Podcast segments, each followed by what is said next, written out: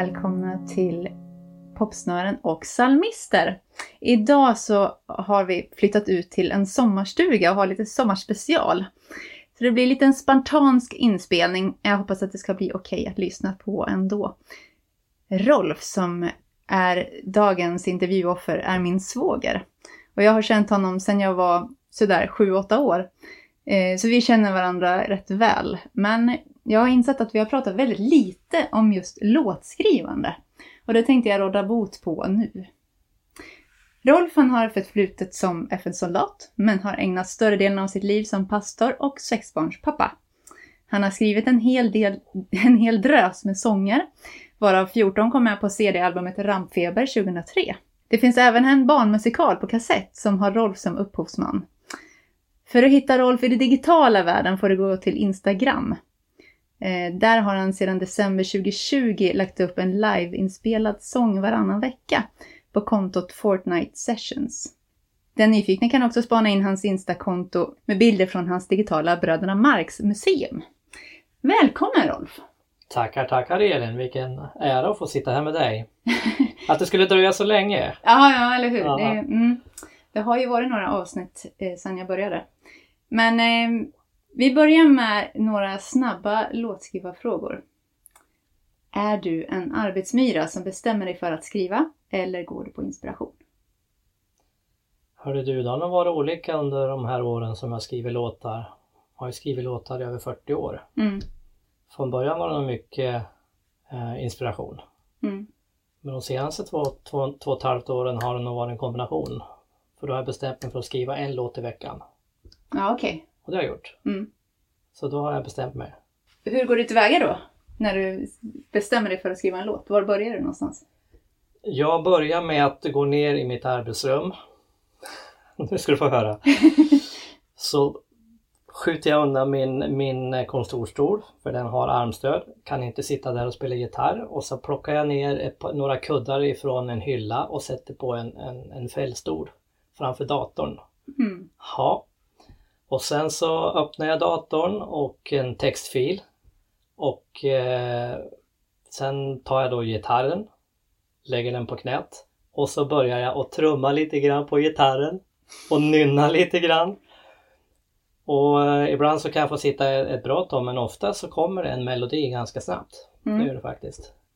Så när melodin har kommit så spelar jag in den då i telefonen, både refrängen och, eh, eller ja, versen och refrängen och sen så utifrån det då så börjar jag liksom att tänka, tänka med ett scenario på vad låten ska handla om.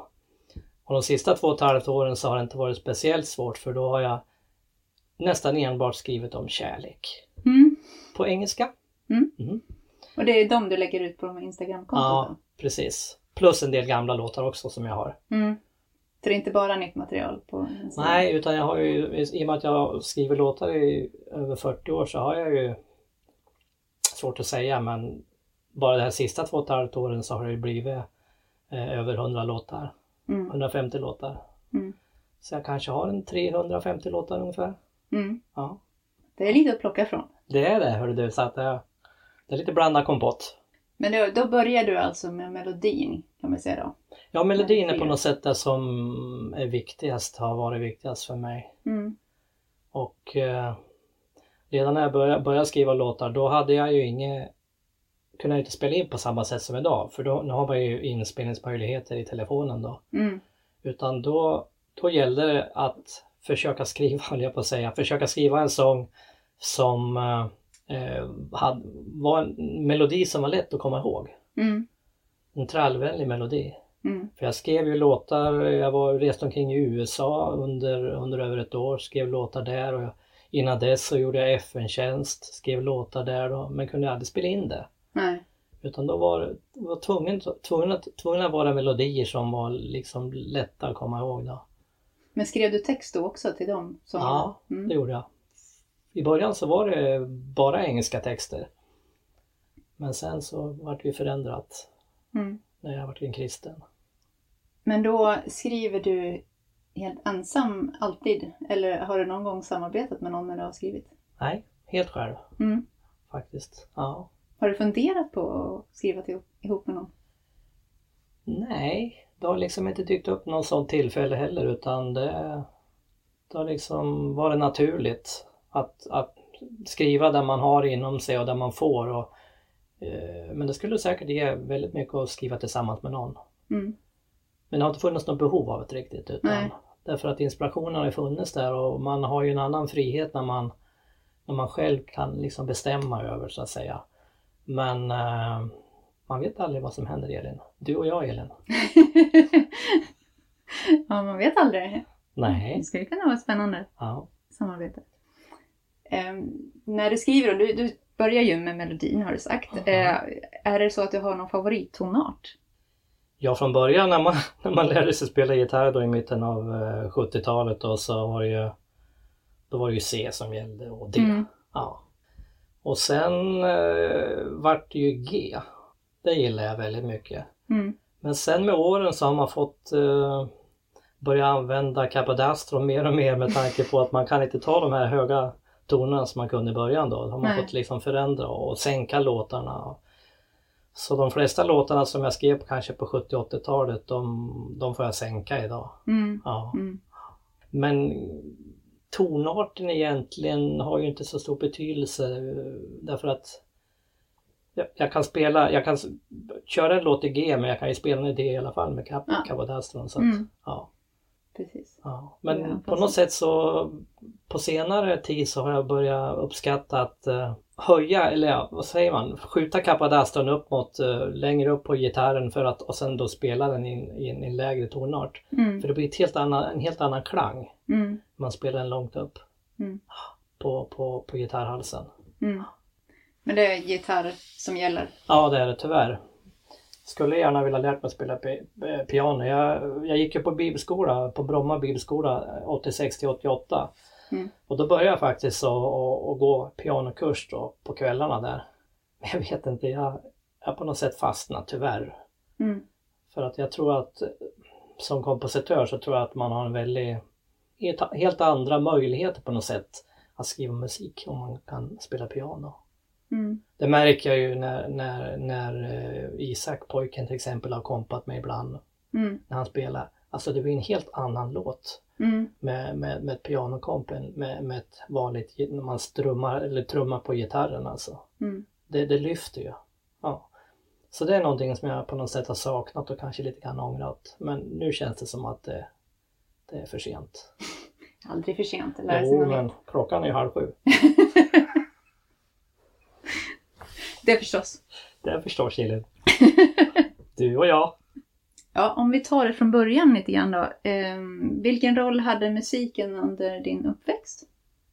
Ja, vad, vad ska man säga? Jag växte upp i ett, i ett musikaliskt eh, sammanhang kan man väl säga för att eh, min mamma var väldigt duktig på att sjunga. Mm. Hon kom ju från Finland ursprungligen och var krigsbarn i Sverige och sen så, så flyttade hon hit då eh, på 50-talet. Och hon, eh, när hon bodde i Finland så sjöng hon i finska radion till exempel. Mhm. Ja, som var väldigt duktig. Och pappa han, han spelade dragspel så att eh, det var en hel del musik i hemmet och framförallt mamma då när hon stod och, vid diskbänken och eh, diskade så, så sjöng hon ofta, väldigt ofta. Och många av de där låtarna kommer man ju ihåg och när man hör dem ibland på radion så, så tänker man liksom på, på mamma då. Mm. Så det fanns ju så att säga och sen så eh, hade man ju förmånen att växa upp under den period då, då de framtida idolerna, Beatles, Mm. slog igenom då i början av 60-talet och mitten av 60-talet. Så det blev ju att man, man lyssnade på dem. Man, eh, jag minns att man lyssnade på och såg på TV då Drop-In. eh, När Beatles var med i svensk TV för första gången tror jag det var. Kanske 64 eller något sånt. Köpte Beatles-skivor, eh, singelskivor då i mitten av 60-talet och lyssnade på det och, och, och såg även när The Beatles eh, för, var med i den här, eh, vad ska man säga, sändningen som sände, jag tror den sändes över hela världen 1969 tror jag det var. Och de spelade den här All You Need Is Love. Mm. Ja, så att så man, jag växte upp med, med The Beatles, det var de, de stora eh, förebilderna. Och eh, är egentligen fortfarande och alltid varit så att säga. Så att, eh, så musiken kom att prägla ändå och även då fortsättningsvis när man kom upp i tonåren och började lyssna på lite modernare musik då. Så var det ju vissa grupper som, som på något sätt man tog till sitt hjärta. Och de var ju oftast väldigt eh, melodiska. Mm. Ja, melodiska grupper som Electric Like Orchestra eller Supertramp eller Queen Mm. eller Genesis eller Moody Blues. Alla de där banden de, de lyssnar man på för jämnan då och jag tror att man har präglats väldigt mycket av just den musiken då därför att de, de har en melodisk det är melodisk pop och rockmusik och det, det är det jag tycker om och det är nog det på något sätt har smittat, smittat av sig på mig då. Mm. Därför jag tycker om melodiska låtar där det enkelt. Oftast var det ju väldigt enkel musik det här också, framförallt Beatles då. Med, med vers, refräng, vers och refräng då ungefär. Och det är ju svårt att, att skriva någonting annat på gitarr. Det är ju så. Därför hade man haft piano då kan man ju ha långa mellanspel och, och, och sånt Mm. där. Va? Men på gitarr är ju, det är inte lika lätt. Speciellt inte om man bara kan ett ackord som jag. ja, tre då. Så så är det. det har, eh, man, man har varit väldigt präglad av musiken så att säga. Så att det, det har liksom följt en genom hela livet. Och det är stort. Musik är ju fantastiskt. Det ger så mycket glädje och det ger mycket inspiration, verkligen. Hur kom det sig att du började skriva egna låtar? Ja, det var nog... Jag gjorde ju lumpen 76 och 77. Och då var det ju killar då på luckan, på logementet där man låg, de, de som spelade gitarr. Mm. Och man vart ju lite sugen på det där så att jag, jag började så sakta, jag köpte en, en gitarr och började så sakta spela gitarr. Och ganska direkt så kom ju den första låten. Mm. Ja. Och det var ju det var i juni 77 som den allra första låten och den var väldigt simpel i texten men melodin den står sig faktiskt. Mm. Trots det idag. Och sen efter det så fortsatte det mer och mer. Man, man skrev låtar. Det är så. Det är på något sätt man blev inspirerad utav, av musiken och tonerna.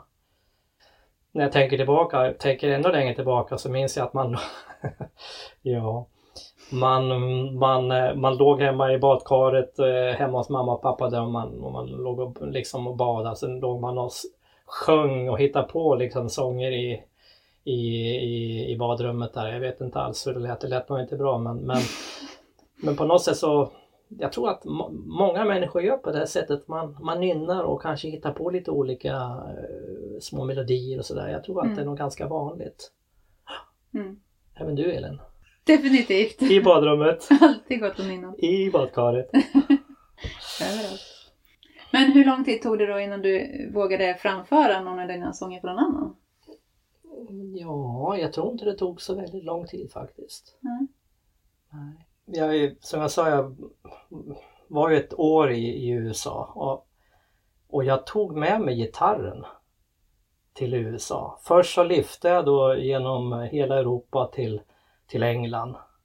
Mm. Och eh, sen flög jag över till, till New York och eh, hade gitarren och så ställde jag mig på motorvägen på Manhattan, eh, på norra Manhattan och ställde mig där och lyfta. Och eh, blev upplockad av en stor eh, vad ska man säga, långtradare då. Och eh, jag skulle åka till New York och hälsa på några vänner då. Eller vad säger jag, till Detroit och hälsa på några vänner. Och jag sov mellan motorvägarna gjorde jag. I, i, i det höga gräset då. Jag hade med mig gitarren och eh, sen så jobbade jag, eh, fick jobb hos en flyttfirma och, och bodde då i den här lastbilen så att säga som mm, hade den här, ja de här, de skulle flytta, flytta möbler och så. Och där gick gitarrhalsen av. Oj! Ja. Så var det slut med min första gitarr. Nämen. Men då förstod jag att jag kunde inte ha gitarr med mig så att säga. Så att eh, jag köpte faktiskt en, en, en ukulele istället och kunde skriva låtar på den också. Mm. Ja. Så det... Men, eh, ja, men jag menar, vad, vad, vad, det där var ju en sidoberättelse. Vad jag egentligen tänkte berätta var då det att, att eh, man, man på något sätt trodde på sig själv ändå. Att man hade liksom väldigt höga tankar. Kanske inte lika höga som man har idag då naturligtvis. Eh, nej, men man hade lite höga tankar så jag minns jag var i, i, eh, i Kalifornien då ringde jag upp skivbolag. Oj! ja, I den det var tron att- kaxigt. ja, ja, i det på engelska då. Vet du. Ja. Hello, my name is Rolf and I'm from Sweden. Do you want to make a record with me? Man, man var naiv helt enkelt. Mm. Ja.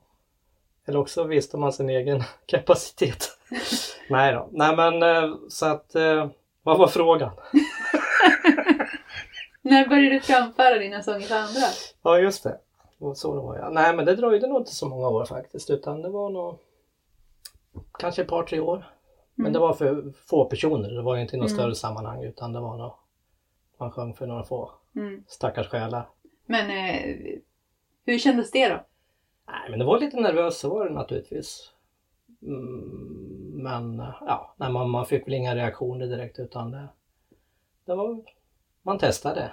Mm. Det var kul att kunna framföra det man gjort och det är väl därför man, eh, vad ska jag säga, när man har flera hundra låtar, ligger i byrålådan och även skriver låtar, har gjort nu då, mycket nu de senaste två åren. Det är ju därför jag har lagt ut på, på Mm. Instagram också. Det känns ju onödigt att det ligger. Ja, och Ja, även, det bara ligger i byrålådan? Ja, ja, ja. Även om ingen, ingen tycker om det så att säga. Man får en like eh, var, var, var tionde låt. Nej, men, eh, men det spelar liksom ingen roll utan det är just att man, eh, ja, det här har jag gjort. Och kanske någon gillar det. Mm. Jag gillar ju det och då kanske det finns någon annan som gillar det också. I alla Mm. fall någon. Absolut. Ja. Det är ju en slags dokumentation också. ja, men det är ju det.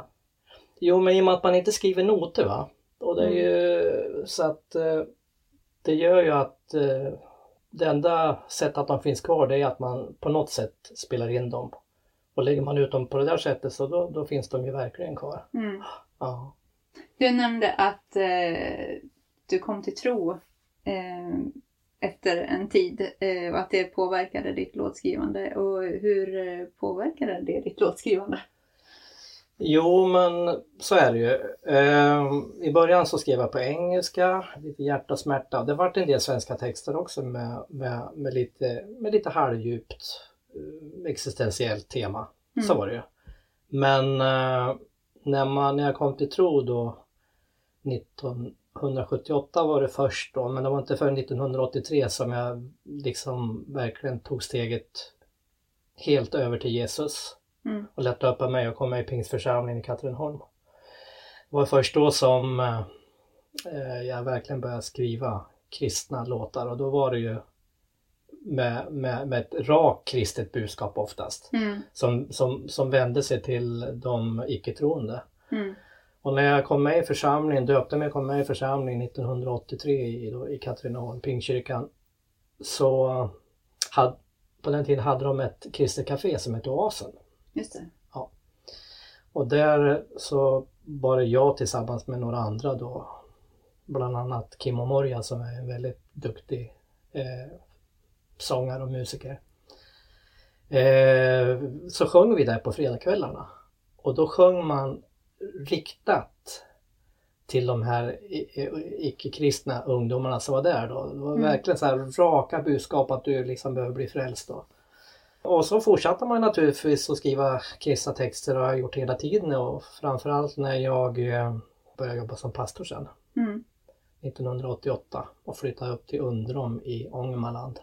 Så har jag fortsatt att- att att skriva kristen, kristna texter till musiken då. Mm. Och, eh, men för det mesta så har jag bara, bara framfört det i församlingen. Det har blivit så.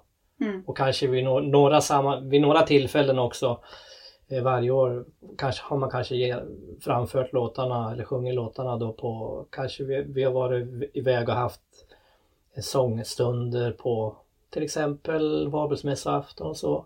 Då har Mm. man kunnat sjunga någon kristen låt och så. Men för det mesta har det blivit ett mindre sammanhang bara. Mm. Ja.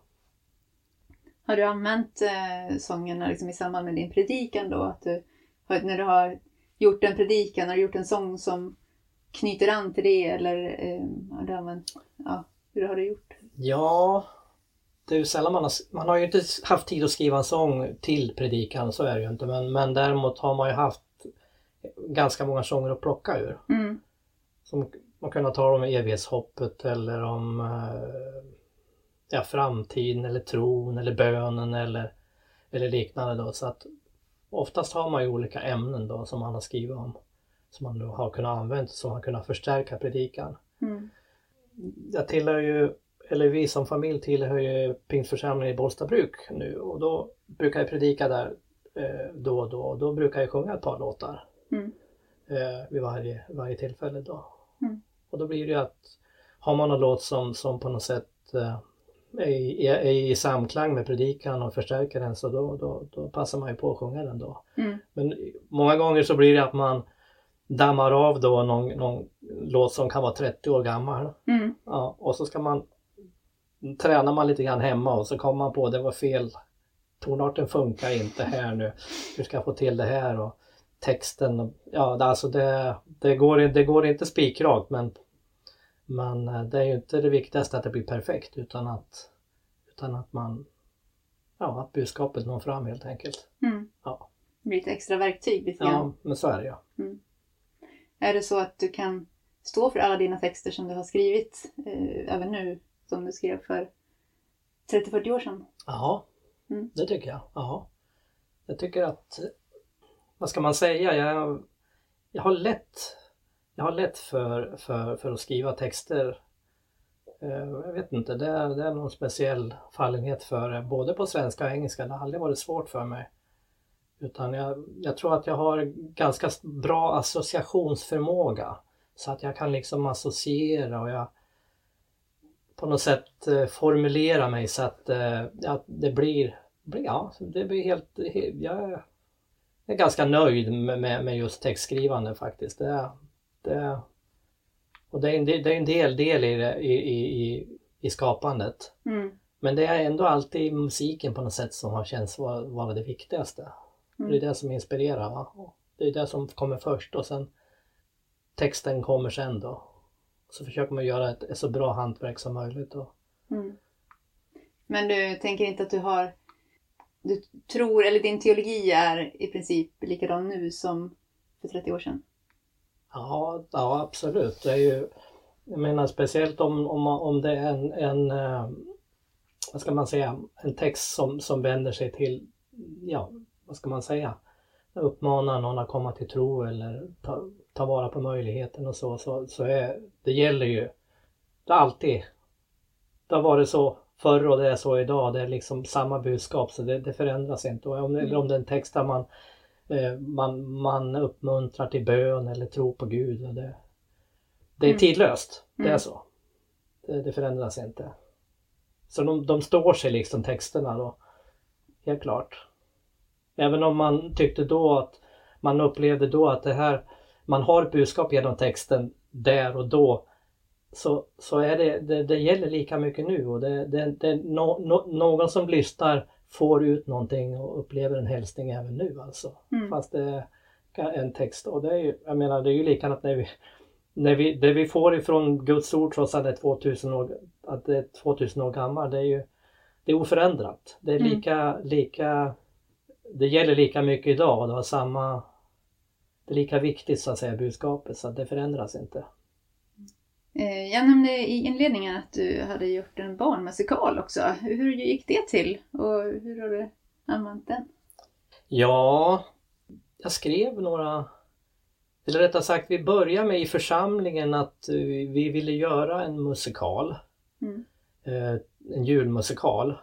Och då skrev jag lite, vad ska man säga, barnsånger med, med, med julbudskap så att säga. Och sen kunde jag också använda en del av mina eh, vuxensånger också i det. Så framförde vi den då i församlingen. Och där på något sätt började då, började det så att säga det här tanken på att vi, man skulle kanske göra en, en större satsning och större musikal då i bygden. Mm. Och eh, jag började skriva, jag, jag fick liksom en tanke att, att den här musikalen skulle ju kunna hamna, handla om eh, barn i, i en skola som uh, inte har någon förståelse för hur, hur det kan vara för barn i andra länder som har det svårt och speciellt då gatubarn i, i, i, Brasilien. Och uh, utifrån det temat då så hamnar då de här barnen, uh, deras situation förvandlas och de hamnar som gatubarn i, i Brasilien. Mm. Så de får själva vara med om den här, eh, hur det är att vara gatubarn. Och den här upplevelsen den förändrar dem ju totalt naturligtvis. Mm. För så är det ju. Och eh, det var liksom min tanke då. Då tog jag kontakt med teater, teaterföreningen i byn och de tände på idén. Och jag tog kontakt med skolan och de tände på idén också. Och tillsammans så började vi då jobba på, på det här och teaterföreningen eh, tog hand om det te- teatraliska så att säga då.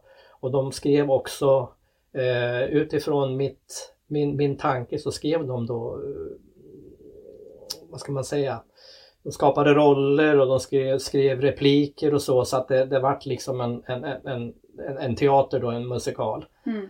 Och så framförde vi den här eh, eh, teatern vid ett antal tillfällen då. Vi samlade in pengar då till ett eh, barnhem i Brasilien, PMUs barnhem i Bra- Brasilien. Och vi fick eh, också möjlighet och vi fick medel till att spela in en, en kassett också. Mm. När det gäller det här då. Och eh, ja, det, var, det, var, det här var ju alltså i början, jag tror 1993. Mm. Eh, Så det är ju väldigt, det är ju, det är nästan 30 år sedan. Då, men det har varit ett väldigt genomslag och väldigt positivt i hela bygden då och framförallt då så kunde vi då skicka pengar då. 40 000 på den tiden var ganska mycket pengar. Vi kunde skicka det till det här barnhemmet då.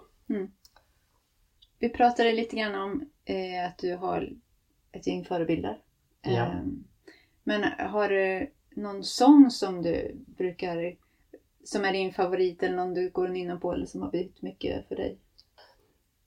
Ja, egentligen inte utan speciellt de här sista två och ett halvt åren när jag har bestämt mig för att- att skriva en ny låt varje vecka. Så, så lämnar man ju förra låten Mm. och sen blir den helt ny. Och, eh, och då är det den på något sätt som gäller och det är den man liksom går och nynnar på och försöker få, få den liksom att sätta sig då. Eh, men jag, jag har ju ett antal låtar som är mina favoritlåtar, helt klart. Mm. Det har jag. Det, har man skrivit kanske 300-400 låtar så det är klart att eh, är 10% av dem eller 5% av dem som man själv tycker är bra så blir det ett antal. Mm. Jag vet, eh, jag tittade på något program på TV. Det var eh, Björn Ulvaeus som fick Mm. frågan hur eh, om det var många låtar som de har ratat, han och Benny Andersson. Mm. Såg du det? Ja, jag tror jag har sett något klipp. Ja, Mm. ja precis. Och då, då svarade han 95 procent Mm. av låtarna. Och jag har tänkt på det. Jag vet att Karin, min fru, har sagt men måste du skriva en låt varje vecka? Liksom. Nej men då sa jag skriver jag fem låtar och en av dem är bra så är det ju värt det. Mm. Ja, som, som jag tycker jag är riktigt nöjd med. Så det var, därför så är det bra att bara sk- skriva så mycket som möjligt. Jag frågade en, en pastor, jag var ganska ganska ny, nykläckt som, som pastor själv. Då frågade jag honom hur, hur ofta tycker du man bör predika egentligen? För ofta så predikar en pastor kanske bara en gång i veckan eller så. Mm. Ja, sa han. Ja, man bör egentligen predika varje dag, sa han. Mm. För att man ska kunna få en slags flyt i det hela. Va? Mm. Och jag tror att det med musiken också, att ju mer man håller på med det desto större chans och möj- möjlighet är det att, att det kommer ut någonting bra. Mm. Det är så. Så man ska hålla på så mycket som möjligt. Och det märker jag då de här två och ett halvt åren när jag liksom bestämde mig för att för att satsa liksom mer på musiken. För jag har haft så mycket annat kreativt som pastor så jag har ju liksom inte haft tid. Mm. Utan det har mest blivit bara på inspiration då. Men när man väl bestämmer sig och sätter sig ner och, och för att göra, göra en låt och, och sen gör låt och låt efter låt så, så, så blir det alltid någon, någonting som är värt att spara på och kanske publicera då Mm. på Instagram eller så. Mm. Ja. Så att eh, jag har ganska många låtar som, som, jag, som är mina favoriter och det, de flesta av dem har jag inte publicerat än. Nej. Jag tänker det är bättre att ha att börja med det, med, med det dåliga vinet först och komma med det bra, braiga vinet sen. Va? Man börjar lite, börjar lite lågt och sen stegrar sig istället för tvärtom. Man börjar bra och sen, sen kommer det när man har kanske fått många, många lyssnare eller vad man ska säga då. För det har ju ökat med tiden, så är det ju. Så kommer alla dåliga låtar på slutet. Nej, kanske ingen bra timing utan man börjar lite halvdåligt och sen försöker att göra det lite bättre och bättre. Förhoppningsvis vad man, utifrån vad man själv tycker. Mm. Ja. Köper du den? Jag, jag tänker att om man tänker att man blir bättre och bättre när man skriver så kanske man inte ska ta bort sina bästa låtar som man har skrivit hittills. Utan då, då tänker man att man kanske blir ännu bättre sen då. Du tror att man, att, jag, att man kan bli ännu bättre med ju längre man, alltså... Att de kom, Ja, men ditt resonemang med att man ska skriva ofta måste ju bygga på att man blir bättre och bättre ju mer man gör det. Det behöver inte vara utan det, det kommer någon låt som är bra liksom. Det är inte, Mm. jag, jag, tror inte jag, blir, ja, ja, jag tror det. Jag tror inte jag blir bättre låtskrivare. För när jag lyssnar på många låtar från kanske 70-80-talet de, är- de här är ju bra. Mm. De här är, den här är ju faktiskt bra. Men man har liksom glömt bort dem va. Mm. Så att, eh, men sen är det, det handlar ju om smak naturligtvis. En, Mm, annan kanske, mm. en annan person kanske inte alls tycker på det sättet då. Men, eh, nej men om jag skriver, om jag skriver en bra låt så tänker jag, nej men den vill jag inte publicera nu. Den, den sparar jag tills när jag känner att det är rätt, det är Mm. rätt läge då. Jag, jag publicerar några halvbra här nu och så tar vi det lite bättre sen. Ja det är kanske är konstigt tänkt va? men det, det är så jag har, den strategin jag haft i alla fall. Så får vi se hur det blir. Men du har inga planer på att ge ut någonting på några strömmande plattformar som Spotify eller så? Eller har du någon dröm att göra det? Nej, det har jag väl inte egentligen utan ehm, för då, då måste man ju ha musiker på något sätt. Mm. Det duger inte en hemmainspelning inte utan då Nej. måste man ha någon musiker som, som kan backa upp det. Då hade det varit kul annars så tror jag inte det skulle funka något vidare. Men däremot om jag får tala om en dröm, det hade ju varit Mm. kul att få, få höra några av sina låtar framförda av en, en ensemble. Just det. Det hade varit kul. Mm. För jag, jag, jag känner, jag har det inom mig. Jag, skulle jag kunna skriva noter så skulle jag kunna skriva ner eh, olika stämmor och, och, och instrument och sådär. Helt Mm. klart, för det finns ju där.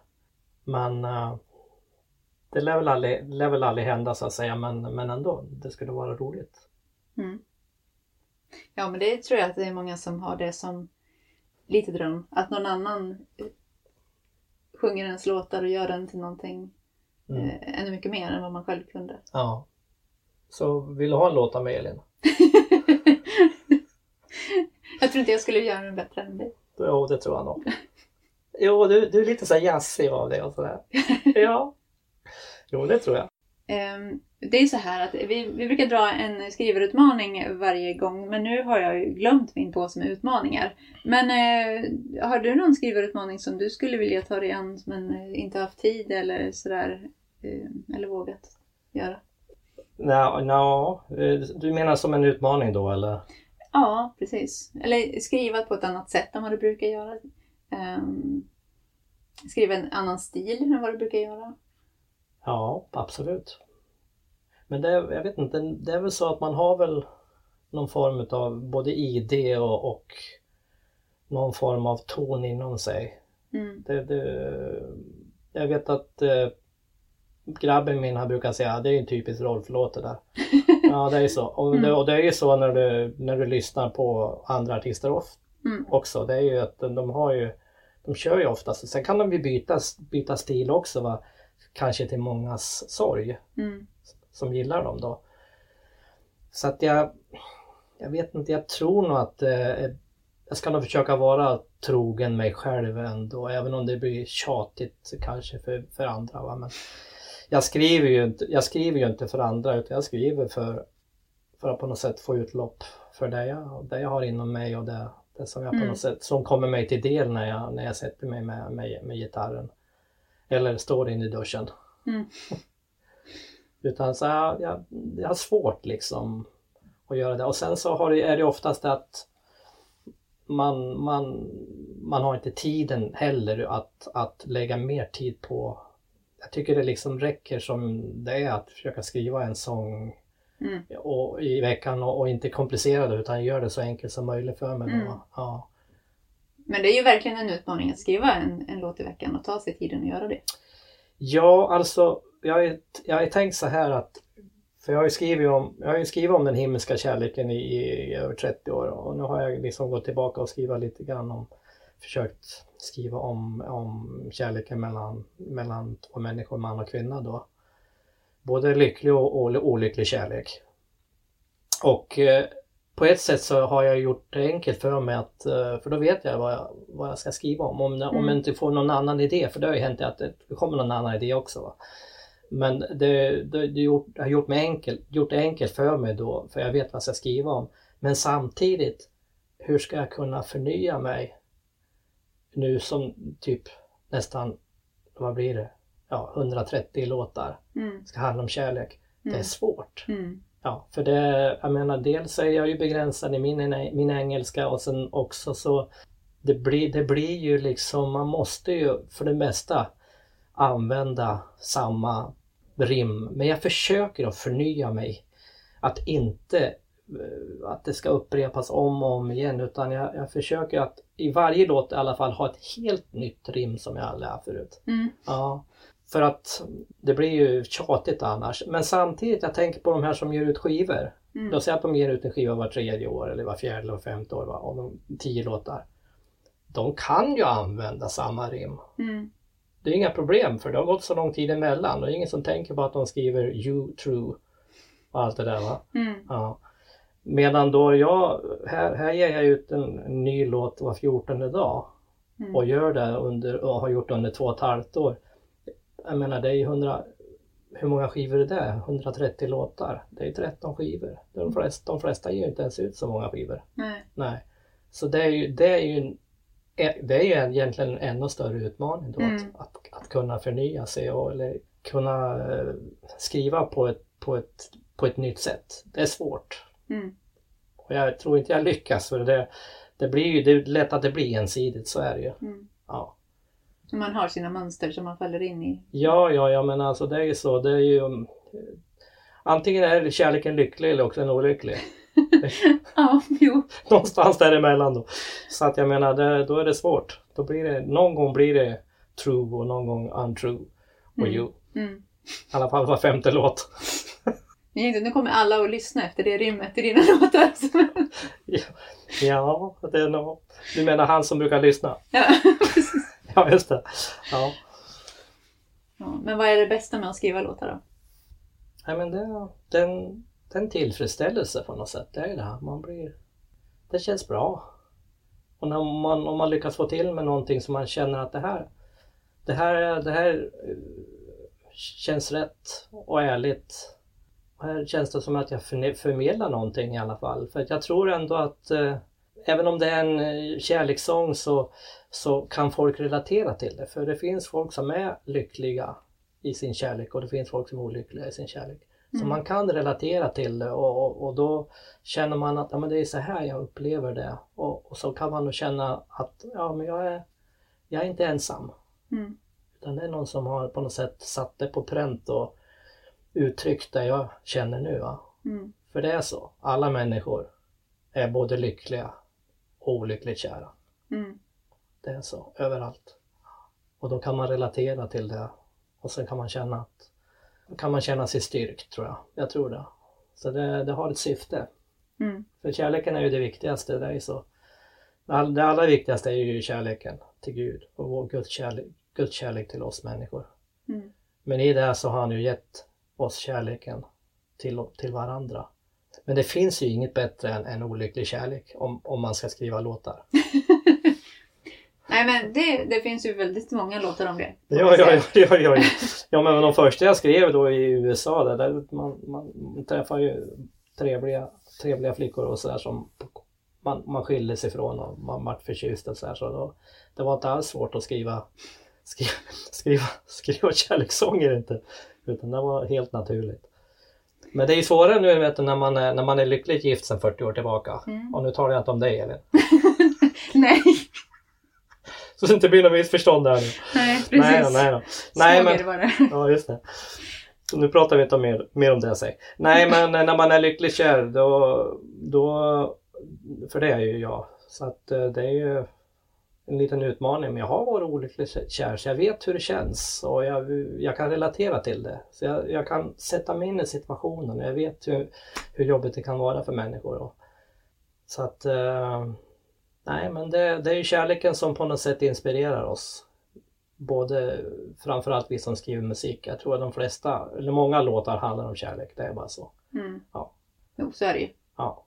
Men tänker du, nu pratar du om olycklig kärlek, att det är mycket som handlar om det. Är det lättare för dig att skriva låtar eh, om jobbiga saker än om bra saker? Eh, och när du är eh, mår sämre än när du mår toppen? Nej men, eh, nej men jag, om jag skriver om olycklig kärlek så är jag, jag mår ju bra. Mm, mm. du är inte i det liksom? Nej, nej, nej. nej men då var man ju det. Ja. Då, då när man på den tiden innan man, man, man gifte sig och blev lycklig så att säga. Nej men utan, eh, nej då, det, utan här handlar det om att här skriver man en berättelse Mm, om, om, om en eller två människor som är i en speciell situation då. Och då är det ju lätt, lättare ofta att, att skriva om, om olycklig kärlek naturligtvis då. Men skriva om lycklig kärlek, då skriver jag oftast om, om det jag själv känner naturligtvis. mm, Att man är, man är lycklig och, och att man, har, att man både är älskad och, och får älska. Mm. För det är det bästa. Tycker du att det är lättast att skriva om din egen situation eller att skriva om en berättelse som du hittar på? Nej, men det, är man, det är nog så. Det är, det är lättare att skriva om olycklig kärlek tror jag. Mm. Det är det. För det är starkare känslor Mm, på något sätt. Och det griper tag i mera. mm, Ja. Det, är- det är lättare. Och det, det är ju oftast då är det ju då är det, handlar det ju om problem och hur, vad som händer och, och vad ska man säga, svårigheter i relationen. Va? Hur, hur den ena kanske behandlar den andra och etc. Va? Och då det är lättare att på något sätt skapa en, en, en, en slags berättelse då i, i, i texten mm. än, än ja, jag är lycklig. Ja, sen, Det finns inte så mycket mer att säga. Nej. Mm. ja, idag var jag så lycklig därför att, eh, ja ungefär. Nej men det, det är det här, just det här när människor kämpar och har det svårt liksom. Och det är ju lättare att relatera till det. Mm. Och jag tror många gånger då eh, just musiken människor flyr in i musiken och identifierar sig med det. Jag tror att det är så. Jag kommer med solsken till dig. Det är absolut, det är väl, det är väl bra va? men det är på något sätt, det tar inte tag i på samma sätt. Nej. Utan det blir lite mer glättigt. Mm. Och mina sånger har alltid varit mera lite romantiska och lite tungsinta och, och så. De går inte i moll liksom alla va? men det, de, de har det, det är mer hjärtasmärta alltså. Mm. Ja, Mm. ja, så är det. Har du något generellt tips då till de som sitter där hemma och vill skriva eller skriver? Något som du har lärt dig genom åren? Att... Nej men det, man måste ju börja någonstans. Mm. Ja, det är så. Om man nu vill skriva någonting. Mm. För alla kan Mm. skriva någonting. Det är många som säger att de skrev sin första sång när de var sju år eller sex år. Mm. Så jag menar det handlar inte om det utan alla kan skriva någonting och någonstans så ska man börja. Och sen så har man väl liksom börjat så kommer det att utvecklas och, och växa. Så är det, det, är ju, det förmerar sig. Det är så, ju mer man håller på med det. Och det är ju, det är ju roligt att få uttrycka någonting. Vi alla människor vi har ju behov av att få uttrycka Mm. vad vi har inom oss eller hur vi känner och hur vi tänker. En del gör det med, med dikter eller med, man målar eller skriver sånger eller vad man nu gör för någonting. Vi, människan har liksom en, en, en, eh, ett behov av att, att uttrycka vad man känner Mm. och, och, och vad, ja, hur man upplever sin, sin vardag och sin situation. Det har vi alla. Och då, då får man hitta olika sätt att göra det på och det, och det kan vara bland annat genom att, att skriva musik, skriva, skriva, skriva text eller dikter eller vad man nu gör. Mm. För det ger väldigt mycket att få öppna, öppna sitt hjärta och ge uttryck för vad man tänker och tycker. Mm. Det är så. Och det ger en tillfredsställelse också. Och kan vara en lindring också många gånger om man har det svårt. Mm. Så tänk på det. Elin. Ja, innan vi avslutar här då. ehm, finns det någon som du skulle vilja att jag bjöd in till podden? Ja, du, Elin, du, får, du skickar ju mig ett litet, litet utkast på vad det eventuellt kunde handla om det här och den, den, den frågan just eh, tänkte jag, den, vem skulle det vara? Jag känner ju nästan ingen. Eh, men sen så, jag tror det var idag på morgonen så, så kom det till mig, jag vet inte hur det gick till men när, jag var, när vi bodde i Katrineholm då i, i mitten av 80-talet så vet jag att det var en, en kille som, jag tror han hade vapenfri tjänst i Katrineholm. Och han medverkade på gudstjänsterna. Mm. Och han var, jag tyckte han skrev så jättefina sånger och fina texter. Och jag hade ju inte hållit på så väldigt länge heller och skrivit texter och, och, och musik och så. Så att jag, jag, jag, blev väldigt imponerad av honom. Och jag, jag vet ju inte var han tog vägen och eller så. Men han har ju ett väldigt ovanligt namn. Jag vet därför jag kollade upp den för, för många år sedan och, och, jag hittade honom då så att säga för jag var nyfiken. Mm. Eh, så att eh, det går nog att hitta honom. Och han heter Peter de, de Brois. Mm. Någonting dit. De Bruin. Okej. Och kan du få tag i honom Elin? Ja. Ja. Då, då har du gjort någonting bra. Ja. Och hälsa från mig. ja, men det får jag att göra. För att han, han kan nog komma ihåg mig för jag var, var nämligen i hans församling där han bodde då var, och, och spelade faktiskt. Jag hade en konsert en gång. Mm. Peter de Brois. Spännande. Det får jag kolla upp. Ja, gör det. Ja. Eh, ja, det är ju lika här. Vi brukar ju avsluta med att lotta fyra toner till nästa avsnitts signaturmelodi. Men jag har ju inte mina tonlappar med heller. Så att det får jag göra eh, ett, lite senare. Det kommer nog inklippt här. Eh, men om inte du har, har du något mer att tillägga innan vi avslutar? Nej, men det var roligt att, att få... Jag tycker det var lite kort intervju. Jag tycker vi kunde haft lite längre. Nej då Elin, tack så hemskt mycket. Tack, tack. Tack så mycket. Hej då! Ja, som ni märkte så fick jag ju inte med mig allting till sommarstugan. Så att vi ska lotta lite grejer här nu som avslutning på, den här, på det här avsnittet. Vi börjar med en utmaning. Och det blir... Skriv en låt på ett instrument du inte brukar skriva låtar på. Det var utmaningen. Och sen så ska vi ha, sen så ska vi ha toner också. Toner till nästa avsnitts signaturmelodi. Då börjar vi med ett Dess. Ett Ass. Ett F. Och ett S. Då får vi se vad vi gör av det. Tack så mycket för idag. Hej då!